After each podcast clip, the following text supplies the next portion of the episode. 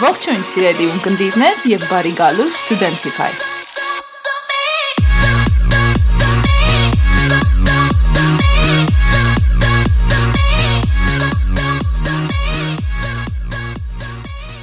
Ողջույն բոլորին եւ բարի գալու Studentify։ Մի փոքր պատմեմ Studentify-ի մասին, ինքը այն եզակի երևի թե հայալեզու ոդքասթներից է, շատ երկար, այսպես ասած, որոնումներից հետո մենք վերջապես որոշեցինք ստեղծել այս ֆորմատը ու Studentify ինքը իրանից ներկայացնում է ոդքասթ հայ ուսանողների մասին, ովքեր արդեն արտերկրում են կամ ունեցել են որոշակի փորձ արտերկրում եւ պատրաստ են նրանց փորձով կիսվել մեր հետ։ Ես ինքս արդեն մոտ 8 տարի է բնակվում եմ Եվրոպայում, վերջին 4 տարին Գերմանիայում, այստեղ շարունակում եմ իմ ասպիրանտուրան, եւ Եվ մի փոքր մանրամասնեմ, ինչու որոշեցինք անունը հենց Studentify։ Ինքը գալիս է անգլերեն studentification բառից, ինչը նշանակում է, երբ մի արեալում շատանում են ուսանողները եւ իրանց հետ բերում են սոցիալ-տնտեսական փոփոխություններ, եւ ինչու՞ չէ որոշեցինք, որ իսկապես հայ ուսանողները ունեն այդ ներուժը, թե Եվրոպայում, երբ որ գալիս են Եվրոպա եւ Եվրոպայից հետո երբ հետ են վերադառնում Հայաստան, իրենց փորձով եւ ներուժով փորձում են նաեւ կիսվել մեր երկրում։ Այսպիսով ես շատ շատ շատ ուրախ եմ եւ շատ հպարտ եմ, որ վերջապես մենք փորձեցինք հետաքրքիր ինչ-որ բան ստանալ եւ իմ առաջին հյուրը իմ շատ մոտ ընկերն է։ Իհարկե գիչ հայկական է ստացվում, երբ որ առաջին հյուրը պարտադիր ինչ-որ մեկն ու արդեն գիտես, բայց համոզված եղեք, որ իմ առաջին հյուրը այն մարդն է, որ ունեցել է բավականին հետաքրքիր, տեղերով նաև շատ բարդ ճանապարհ դեպի այն կրթությունը, որը ինքն էր ցանկանում եւ դեպի այն փորձը ձեռք բերելու ընթացքը, որին ինքը արդեն ստացել է եւ շարունակում է ստանալ արտերկրում։ Իմ այսօրվա հյուրն է Անին, Անի Դանիելյան, Անի շատ շնորհակալ եմ, որ այսօր եկել ես։ Ապրես շատ, որ եկել ես եւ այսօր իմ հյուրն ես։ Դե փորձենք երևի մի փոքր արդեն պատմես քո մասին, թե որտեղից ես եւ ինչ ես անում ստեղ։ Ուրեմն ինչպես արդեն ներկայացրեցիր Անինեմ, շատ ուրախ եմ, որ քո այս շատ լավ մտքի առաջի հյուրն եմ, պրոյեկտի առաջի հյուրն եմ։ Ուրեմն ես սովորել եմ Երևանից եմ, սովորել եմ ֆրանսիական համալսարանում եւ եվրոպական ակադեմիայում ավարտել եմ այնտեղ բակալավրս տնտեսագիտության գծով, այնուհետև տեղափոխվել եմ Գերմանիա, ոչ անմիջապես, իհարկե որոշակի նաև աշխատանքային փորձ եմ ունեցել Հայաստանում, այնուհետև վերջին արդեն 5 տարին է, ինչ բնակվում եմ Գերմանիայում։ Եկել եմ Գերմանիա, որ ծրագրով OP Mädchen, 1 տարի եղել եմ օպեր, այնուհետև 1.5 տարի եղել եմ language student, ինչպես այստեղ ընդունված է ասել, Այնուհետև ընդունվել եմ Ֆրիդրիխ Շիլեր համալսարանում մագիստրատուրա տնտեսագիտության գծով էլի Innovation and Change մասնագիտացմամբ։ Շատ լավ։ Առաջին իսկ հարցը, որ ուզում եմ քեզ անպայման հղել, այնա ինչպես պատահեց, որ ինչպիսի կրթական ու ինչպիսի որոշակի ռեսուրսներ քեզ օգնեցին այդ որոշումը կայացնելու։ Ես կարծում եմ իմ դեպքում մի քիչ այլ կերպ այս ամեն ինչը ստացվել, այնպես չի որ ինչ որ կոնկրետ ռեսուրսներ ինձ տրամադրել են, բերել են այդ մտքին։ Ես ինձ ինչ հիշում եմ, նույնիսկ դպրոցից միշտ երազել եմ ունենամ դրսում անցնեմ դրսում կրթություն ու նույնիսկ հիշում եմ 10-րդ դասարան էի, չգիտեմ կհիշես թե չէ, կար Reflex ծրագիրը Ամերիկայում։ Շատ ուզում էի մասնակցել այդ ինչ կարծում դեռ գոյություն ունի։ Կարծում եմ, բայց իհարկե տանը կտրականապես դեմ էին, այնուհետև բնականաբար պետք է ընդունվեի ինչ-որ մի համասարան ինչ որ մի բու Հայաստանում, թերևս կարծում եմ հիմա այդպես չէ, բայց այն ժամանակ կրթական համակարգը շատ կոռումպացված էր։ Եվ ես իմանալով այդ ամեն ինչի մասին, լինելով ամբիցիոզ երիտասարդ, փորձեցի գտնել ինչ որ մի համասարան, որը մաքսիմալ դրսի կրթությանը մոտ կլինի ու դա ֆրանսիական համալսարան էր այդ ժամանակ ոչ շատ հայտնի որի մասին պատահական իմացա եւ այդպես փորձեցի ինչ որ մի կերպ մոտ լինեմ դրսի ուսմանը բայց դեռ մտքումս կար որ միգուցե մի օր կկարողանամ շարունակել ուսումս դրսում այնուհետև որոշակի փոփոխություններ եղան Էլի երկար թեմաներ են, չեմ ուզում շեղվենք մեր թեմայից այսօր։ Ես շատ հարցեր ունենք։ Շատ հարցեր ունենք, հա տեղը միջ այդ դեռ չէի տեղափոխվել Եվրոպական ակադեմիա փորձեցի արդեն մտածել դրսում ուսում ստանալու մասին եւ դիմեցի մագիստրատուրա, քանի որ ինձ մի տարի էր մնացել, ես արդեն մտածում էի միգուցե դրսում ստացնեմ ժամանակն է, այո, որ հենց ավարտեմ միանգամից գնամ մագիստրատուրա։ Ընդունվեցի Ֆինլանդիայում համասարան, ֆինանսների գծով շատ տխուր էի որ ֆինանսների գծով, որովհետև ես ֆրանսիական համալսարանը փոխեցի դրա պատճառով, քանի որ ես հասկացա այդ տարիների ընթացքում, որ ես տնտեսագիտություն սիրում եմ, բայց ես չեմ սիրում ֆինանսներ ճյուղը տնտեսագիտության, բայց այդպես էր ստացվել։ Մտածեցի, օքեյ, ոչինչ, դրսում ուսումը միևնույնն է, ուրիշ ձև է լինելու, մի ձև կսիրեմ։ Կարևորը որ ես նպատակից հասել եմ, այդ պահին։. Բայց ոնց որ թե ճակատագիրը ուրիշ ձև է, ուրիշ պլաններ ուներ, այո։ Եվ ես վիզա չստացա։ Oh wow, okay։ Այո, ես վիզա չստացա, այդպես այդ տարի նույնիսկ փոխեցի համասարանս Եվրոպական կրթական ակադեմիա, ավարտեցի այդ ընթացքում աշխատանք գտա Հայաստանի ամենամեծ ֆիրմաներից մեկում եւ մտածի լավ ուրեմն երևի ինչպես անգլերեն են ասում I need to calm down հա պետք է մի քիչ հանգստանամ ինչ ժամանակ տամ եւ տեսնեմ ինչ կլինի բայց այդ միտքը անընդհատ եղել է ինձ մեջ այսինքն եկավ ես 4 տարի աշխատեցի բավականին կարիերայի արդեն ինչ որ մի փուլի էի հասել այո ահա։ Եվ էլի մի օր այդ միտքը սենց ուրիշ ձև էլի եկավ, որոշեցի չէ, դուրս եմ գալիս աշխատանքից ու մաքսիմալ տրամադրվում, պատրաստվում գնալ, արդեն որոշել էի որ Գերմանիա։ Այս դեպքում։ Հետաքրքիր է որ բավականին խիզախ քայլ է, երբ որ դու արդեն ունես բավականին մեծ հաջողություններ Հայաստանում, կարիերայի առումով եւ թեկուս կրթական առումով, բայց որոշել ու ամեն ինչ տենց զրոյից փոխել ու հասնել նորից ինչ որ որոշակ ինչ որ մի հատ միջավայրում, շնորհակալ եմ։ Ինչ որ մի հատ միջավայր, որտեղից դու պետք է զրոյից սկսես ամեն ինչ, իրականում այդ շատ խիզախ քայլ է իմ կարծիքով։ ես այդ ժամանակ այդպես չէի մտածում։ Հիմա որ հետ եմ նայում, ինձ էլ է թվում, որ բավականին խիզախ քայլ Ա, Ուղղակի ես հասկացա, հիմա եմ արդեն ավելի հասուն տարիքում, իհարկե հետ նայելով, հիմա եմ հասկանում, որ դա իմ բնույթն է ուղղակի։ Ես այդ նույն ձև հասա ես 4 տարի սովորեցի ֆրանսիական համալսարանում եւ Միևնույնն է, այդ պայքարը իմ մեջ քանի որ կար, որ ես չէ չեմ ուզում ֆինանսներ ու ես դրա պատճառով արդեն, չգիտեմ, այնտեղ էլ դեպրեսիաներ էր իմ մոտ սկսում, քնությունների չէի գնում Հա, այդ կարգի, հա։ Ու ես ուղղակի հասկացա, որ դա իմ բնավորությունն է, որ մի բան ես իմ մեջ մտնում եմ, մտածա, այո, պետք է անեմ, ու նույնը սա էր։ Այսինքն այդ միտքը անդադ իմ մեջ կար։ Եկավ ինչ որ մի արդեն 4 տարի անցել էր, ես այդքան կարողացա ճնշեմ, ճնշեմ, ճնշեմ, Բայց հետո Ոնց որ ասում են մամաները, մի տեղից դուրս էր գալ։ Այո։ Այդտենց մի տեղից դուրս եկավ մի օր։ Վերադառնալով այն մի պահ ասացիր ընդհանուր ընտանիքի մասին, թե ոնց էին նրանք տրամադրված, բնական է շատ կարևոր հարց է, որ ուզում եմ քեզ տալ, ոնց էր ընտանիքը վերաբերվում այն այն փաստին, որ ժամանակ եկել է, ու դու պետքա գնաս Եվրոպա, պետքա շարունակես ուսումը միտեղ, որտեղ երևի թե բարեկամներ չկան, ընտանիք չկա ու դու ամբողջապես մենակ, ոնց էր իրենց առաջին առաջին ռեակցիան դրան։ Ի սկզբանե ասում եմ, երբ որ դեռ շատ փոքր էի, փոք շատ փոքր ասելով արդեն 15, 16, այդ տարիներին բավականին կտրուկ էր։ Հետագայում, երբ որ ես ուզում էի ընդունվեի Ֆինլանդիա ընդունվեցի, այդ ժամանակ բավականին արդեն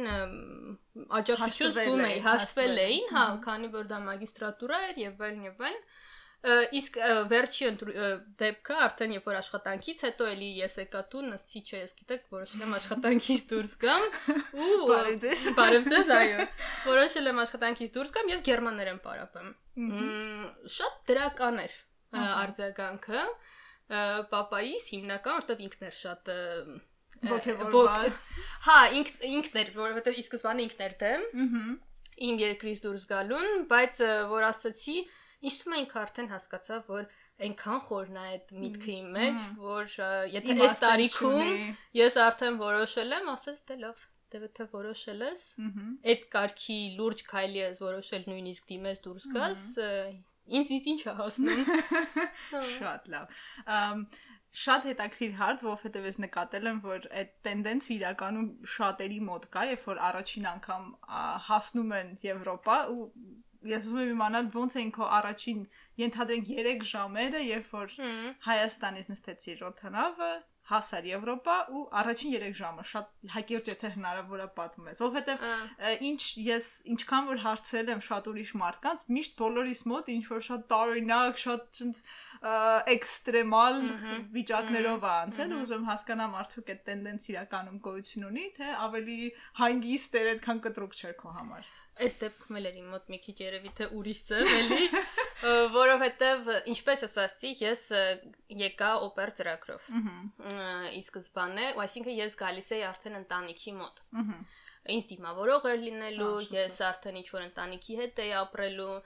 բացի դրանից բացեմ եւս մի գաղտնիք, քույրս եմ, ոչ հարազատ, Զարմուհիս է այստեղ ապրում։ Ես գիտեի, որ ճիշտ է, ես նույն քաղաք չէի գնում, բայց ես հոգեպես գիտեի, որ կա նաև ինչ որ մեկը, ում կարող եմ զանգել, ում մոտ կարող եմ գնալ։ Այսինքն- ժամ հետո այդտեղ կլինի։ Թեկուզ իրականում տենց չէր լինի, Հա, երևի հա։ թե ուղակի ֆիզիկապես հնարավոր չէր լինի, բայց զգում ես մի տեսակ ապահով քեզ, երբ որ նույնիսկ գոնե մի հոգու ճանաչում ես։ Ա, Հետո այնպես էր ստացվել, որ այդ ընտանիքը շատ լավն էր։ Ես միշտ ասում եմ շատ բախտավոր աստղիտակ եմ ծնվել, որ այն հազվադեպ, չեմ ուզում ասեմ հազվադեպ մարդկանց մոտ տպավորություն լինի, որ դա վատ ծրագիր է կամ ինչ-որ բան, ես կարծում եմ շատ լավ ծրագիր է։ Բայց դեպքեր եղել Բայց են։ դեպքեր եղել են, այո, շատերը չեն համակերպվում ընտանիքի հետ կամ այդ կարծում եմ մենք դեռ կխոսենք երևի թե սրա մասին, cultural shock ասված է, որ միանգամից է լինում։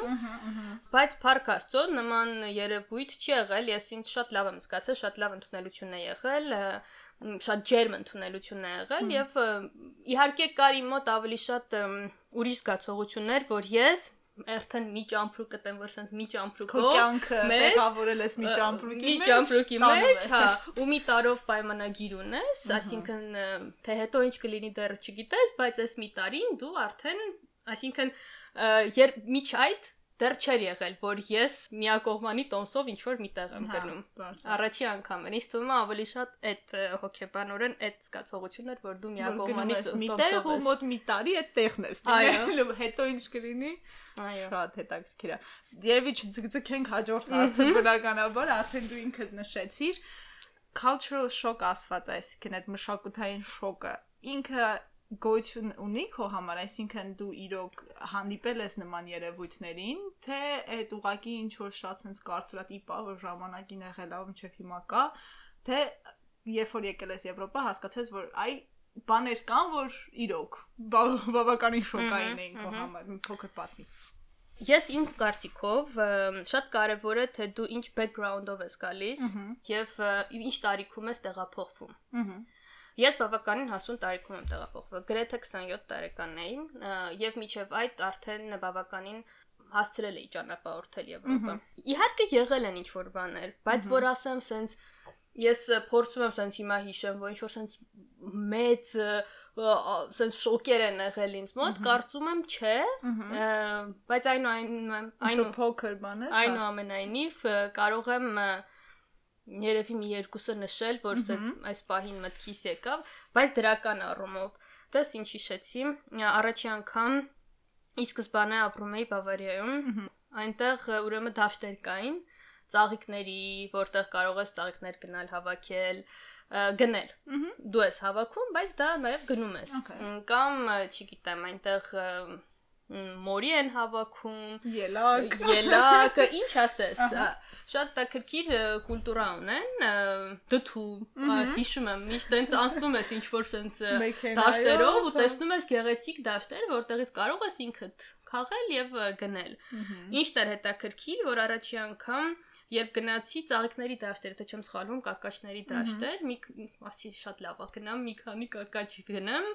ու իրականում չկա այնտեղ մարդ, ով վերահսկում է Վաճառող վաճառող չկա, ով վերահսկում, այսինքն ամեն ինչ վստահության վրա է հիմնված։ Դու քաղում ես, գրած է մի կակաչը ինչ արժի, եւ պետք է տանես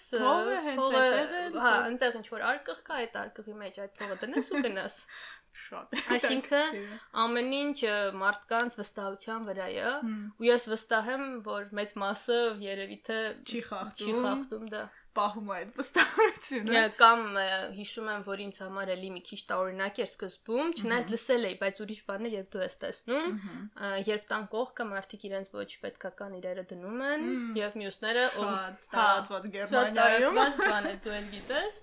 ում պետք է կարող է գալ վերցնել ու դա ամոթ չի։ Հա, Ամոթ չի գալ ինչ որ մի բան վերցնել այդտեղից։ դա քրքիր է։ Եթե արդեն խոսեցինք cultural shock-ի մասին, շատ կուզեմ հասկանալ եւ քո կարծիքն էլ իմանալ, ոնց ոնց ես վերաբերվում։ Արդյոք կային որոշակի կարծրատիպեր, երբ որ եկար Եվրոպա ու ունեիր որոշակի կարծրատիպեր, որոնք հիմնովին կոտրվեցին քո համար կամ տեսել ես կամ զգացել ես որոշակի բնույթի կարծրատիպեր, որոնք վերաբերվում էին քեզ որպես հայ կամ որպես ուսանող, որ դրսից է եկել։ Ինձ հետ կապված կդժվարանամ ինչ որ մի բան ասել, քանի որ ինչ ուսանող եմ դարձել, մեծ մասամբ ես շփվում եմ միջազգային միջավայրի հետ, այսպես international culture անընդհատ, որովհետև ես սովորում եմ իմ մագիստրատուրայի կուրսը ինքը հենց international master course-ը, որը որ իր մեջ ներառում է ուսանողների Բոլոր երկրներից։ Դրա համար ինձ համար դժվարանում է մի քիչ այդ առումով ասել էս պահին մտքից ոչինչ չի գալիս։ Կարծրատիպեր, գիտես, երևի թե ավելի շատ ընտանիքի մոդելի հետ կապված կարծրատիպեր, որ մեր Հայաստանում շատ մեր Հայաստանում Ոչ մեկի ուրիշի մեր։ Այո։ Շատ ընդունված է ասել, որ մեր ընտանիքները ամենալավն են, դրսում ընտանիքների այդ ինստիտուտը լրիվ ուրիշ ձև է եւ Քայքայված է ոչ, ահա։ Ես ուզում եմ որ բոլորը իմանան, որ դա շատ ինդիվիդուալ է։ Շատ ինդիվիդուալ է ու այստեղ էլ կան շատ լավ ընտանիքներ ու հատկապես ուզում եմ շեշտեմ ծնողական առումով մեր մոտ չգիտես ինչի հատկապես հայերի մոտ տպավորված էր որ հայ ծնողները ուրիշ են։ Ես կարող եմ ասել այնքանով են ուրիշ, որ հայ ծնողները շատ դժվար են բաց թողնում իրենց երեխաներին։ Բայց եթե համեմատենք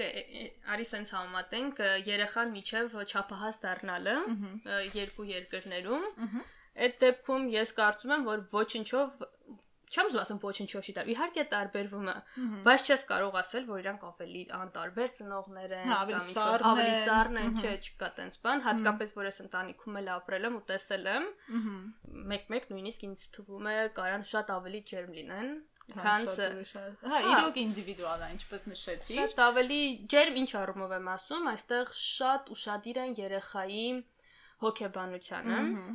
Կրկին չգիտեմ հիմա, ասենք երիտասարդ ծնողները Հայաստանում ոնց են, ինչ կուլտուրայով են դաստիարակում, բայց եթե հետ գնանք մեր Մեր ժամանակներ։ Ինչը բավականին շատ երկար ժամանակ առաջ էր։ բոլորը կմտածեն, որ մենք արդեն շատ մեծ ենք, բայց մենք դեռ ուսանող ենք։ Այո։ Իմ կարծիքով այստեղ մի քիչ ավելի շատ են ուշադրություն դարձրել հոգեբանությանը երեխայի ու ինչն էր ինձ դուր գալիս, որ երեխային անհատ են ընդունում։ Այսինքն չեն ասում, դե դու փոքր ես չես Հա, հասկանում։ դու սուս մնա։ Դու սուսն է, իսկապես։ Կմեծանաս նոր մեծերի խոսակցության Հա։ խառնվես։ Ես առաջի բաներից, որ նկատել էի, կարծում հիմա բայց իմ կարծիքով հիմա փոխվել է շատ բան, հա։ որտեվ ես իմ ընկերներին էլ որ տեսնում եմ իրենց երեխաների հետ ոնց են, մոտեցումը իհարկե փոխվել է։ Ինչը շատ-շատ ողջունելի է իրականում, Հա, որովհետև ինձ թվում է, անգամ եթե կրթական համակարգով էլ նայեք, նույն դպրոցներում, ես հիշում եմ մեր դասարանում, իրոք շատ դժվար էր այդ անհատականություն ձևավորել, ինքը շատ կարևոր է, ու ինձ թվում է հենց այդ դպրոցից էլ պետքա սկսես, ինչը իմ տարբերակով իսպարված է կարևոր, այսինքն ավելին ասեմ, անհատականությունը ճնշվում էր այնտեղ։ Իսկ ինչն է իրոք ինձ շատ դուր գալիս այստեղ, որ նույն կրթական համակարգը ստեղծված է այն վիճակով, որ դու անհատ ես, դու որոշումները կայացնում ես ու դու կրում ես բոլոր պատասխանատվությունները քո որոշումների համար։ Այդ ինձ թվում է բավականին յուրահատուկ բան է, որ պետքա Ես կարծում եմ, այդ ամենը գալիս է նաև ընտանիքից։ Ու դպրոցում է բնականաբար ամեն ուսուցչուհի ինչ որ մի ընտանիքի մայր է էլի։ Ինքը վերաբերվում է էլի նենց ոնց կվերաբեր Ես տենց եմ նկատել ամեն դեպքում։ Այստեղ էլ ասենք երեխաների նկատմամբ վերաբերվում են, որ իրանք անհատներ են։ Շատ էլի ինչ որ մի բան, որ նկատել էի, որ շատ գովում են իրանց երեխային դպրոցում էլ էին շատ գովում աշակերտներին։ Այսինքն այդ կարգի ինչ որ կարծրատիպեր, կարևոր որոնք մեր մոտ տպավորությունը հատ է կա, չէ՞, սենց Եվրոպայում բանտեղ չեն դնում իրենց հա, երեխաներին, սառն են, սառն են, 16-ը լրացավ դուրս են Հա, ուղարկում եւ հա, այլն։ հա։ Հա, բայց է Չէ, բավականին ուրիշ։ է։ բացարձակ տես չի, բավականին հոգ են տանում, բայց իհարկե որոշակի տարիքից հետո որոշակ ա, բավականին ավելի adekvat ձևով եկեք այսպես ասեմ։ Ահա, թողնում են, բաց են թողնում Այն այնքանով ինչքանով։ Ահա։ Խոսեցինք թեկուս նույն այդ դպրոցական համակարգից իմ հետեւյալ հարցը Եթե դու հնարավորություն ունենայիր, ինչ կփոխեիր հայկական կրթական համակարգում։ Եթե վաղը քեզ այդ բոլոր ռեսուրսները տրվեին, հնարավորություն տրվեր մի բան, որ իրոք շատ կուզեի փոխել, որպեսզի մեծ ազդեցություն թողեր դրանից հետո։ Միանշանակ շատ կուզեի դպրոցից հետ գնալ դպրոց, շատ բան կփոխեի։ Իրականում շատ-շատ բան կփոխեի բայց կարծում եմ եթե հիմա այդքան հետ գնամ, սա մի նոր հանդիպան թեմա է, միգուցե եւս մեկ անգամ ինձ քո հյուրը Միանշանակ։ Ես մեկ անգամ այո կհրավիրես որպես հյուր եւ ինչու ոչ կարող ենք խոսել այս թեմայով, որովհետեւ իրոք ընդլայնվենք, որովհետեւ շատ մեծ թեմա է։ Տերևս մնալով ուսանողական մակարդակի մեջ, այսպես ասելով, գիտես ինչ կփոխեի, կցանկանայի, որ Հայաստանում ներդրվեր թերի բարձրագույն կրթության ինստիտուտը Ահա։ որովհետև ես շատ ինչի ասացի փոքրուց դպրոցից կփոխեի որովհետև կարծում եմ դպրոցից է գալիս այդ թերությունը այստեղ ամեն ինչ շերտավորված է այսպես ասած երեխաները դեռ 4-րդ դասարանից ընտրում են ըստ իրենց ըստ իրենց ը, ընդունակությունների ը, ընտրում են դպրոցը ու ըստ դպրոց ըստ ընտրված դպրոցի տեսակի նաև ինչ որ ձև որոշվում է նրանց հետագա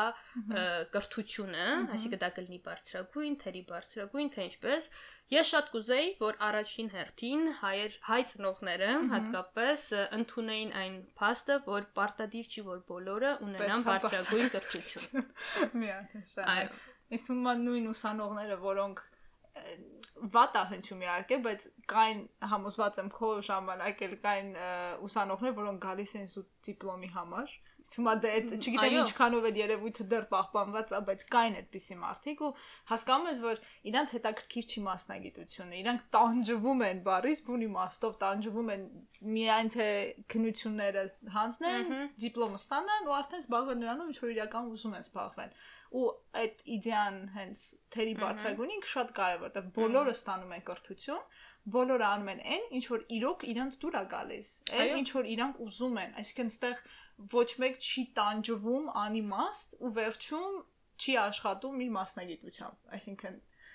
դիլեմա կա, չէ՞, Հա։ այստեղ դա կրկիր է։ Մենք թվում է իրոք թերի բարձրագույն այդ համակարգը այստեղի բավականին շատ բաներ դնում է իր տեղերով։ Ես շատ կուզեի, որ մենք ունենք Հայաստանում իհարկե ինչ որ քոլեջներ, ինչ որ բաներ, բայց ես կուզեի մի քիչ ավելի այս- այստեղ տեսնելով հատկապես այստեղի թերի բարձրագույն կրթական համակարգը շատ լավն է, որովհետև նախ ինքը վատ ը, այսպես ասած իմիջ չունի մարդկանց մեջ։ Հա։ Երկրորդը շատ մարդկանց է գրավում, որովհետև երբ դու ընտրում ես Ausbildung ասված ես, այստեղ այդ թերի բարձրագույնը այդպես է կոչվում, դու հնարավորություն ունես հենց քո ընդունված օրվանից գումար աշխատել։ Հա։ Ու բավականին ապահոված ապագա ես արդեն ստեղծում։ Հա, իհարկե, շատ շուտ հա։ է սկսում գումար աշխատել։ Երբեմն մասնագիտացումներ կան, նույնիսկ այդ ճյուղով, որ շատ համասարան ավարտածներից ավելի շատ գումար եմ կարողանում աշխատել, ոչ նրա համար, որ այստեղ անհավասար է վարձատրվում կամ ինչ որ մի բան, զուտ նրա համար, որ չգիտեմ, դու կարող ես դառնալ ինչ որ արհեստով կարող ես խորանալ, ենթադրենք ջերուցման համակարգի մեխանիկ։ մեխանիկ, այո, ինչ որ մի բան, ու շատ պատվերներ ուղակի ունենաս։ Այսինքն միշտ կա լավ դրա Այո, լինես, հա, լավ մասնագետ լինես, շատ պատվերներ ունենաս եւ իհարկե քանակի հիման վրա շատ լավ գումար աշխատես։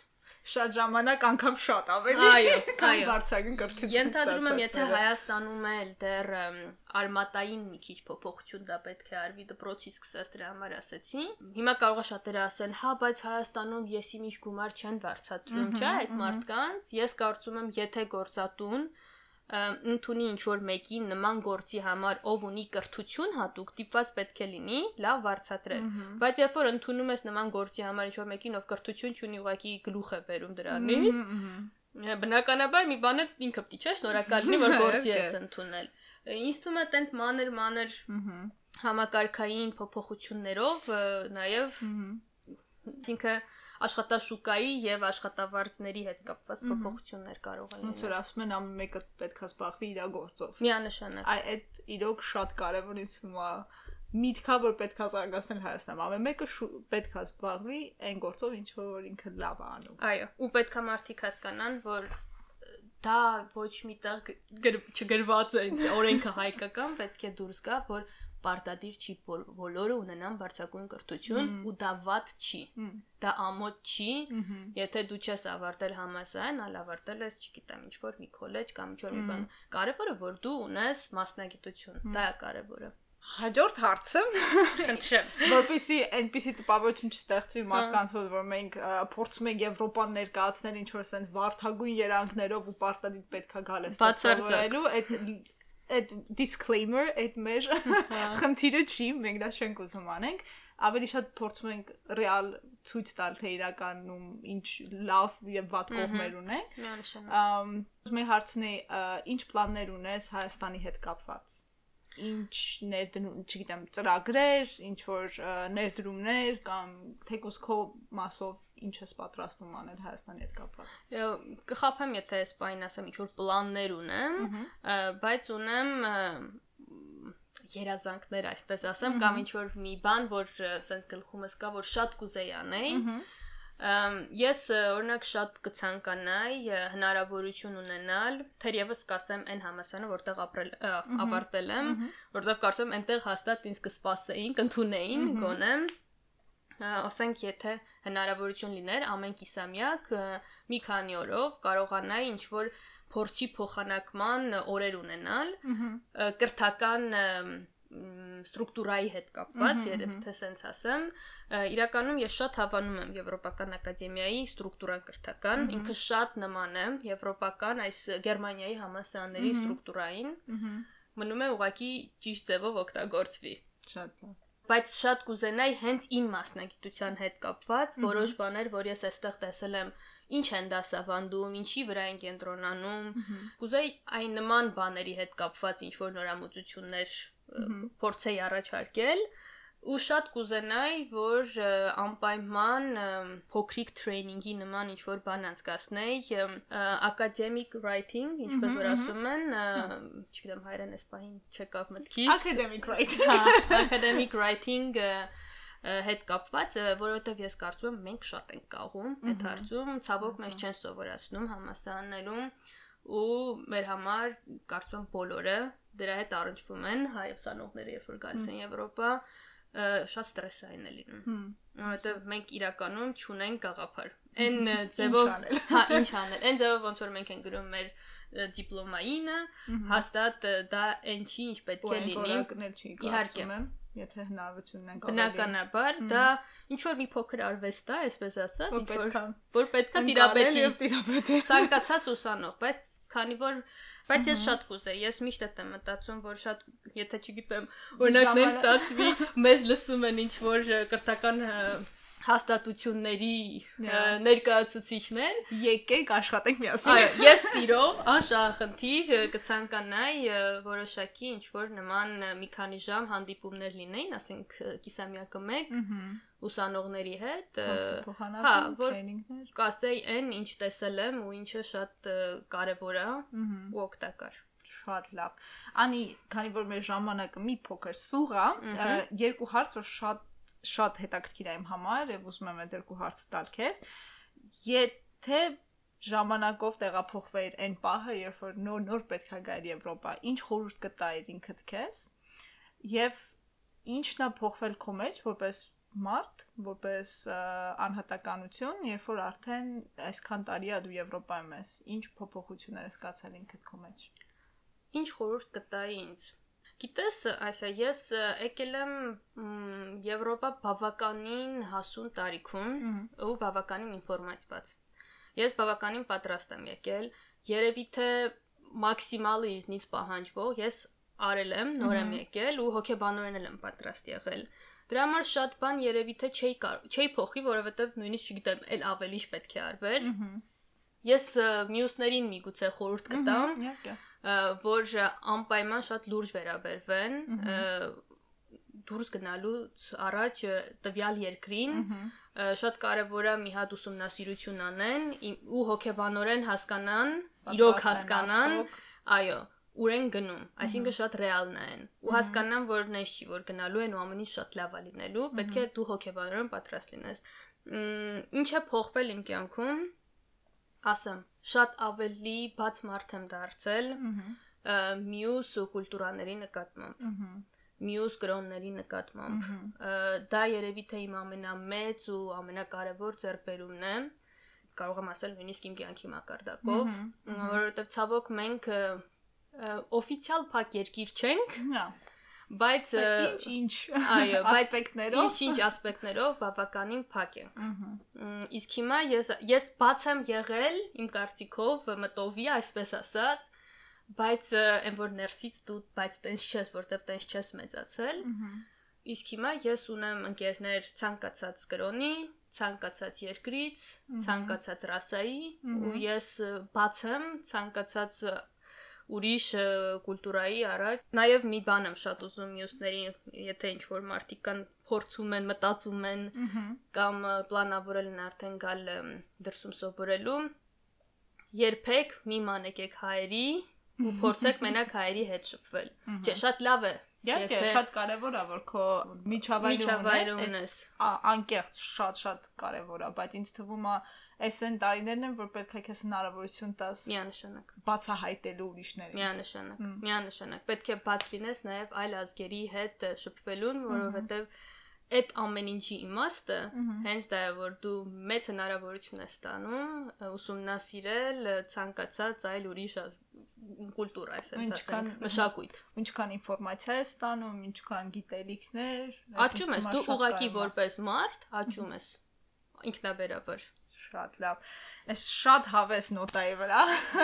փորձենք ամփոփենք։ Անի շատ-շատ շնորհակալ եմ ես իրոք հայերեն թույն ինտերվյուի համար, իրոք հետաքրքիր էր շատ ու լիքը հարցերի պատասխանեցինք։ Ամ դե ինչ հուսով եմ մեր առաջին էպիզոդը համարենք ստացված։ Ես էլ եմ հուսով։ Եվ շնորհակալ ենք բոլորին, ովքեր մեզ լսում են, եւ հուսով եմ, որ շուտով դա կդառնա ավելի sense տրադիցիոն մի բան, որտեղ մենք երևի թե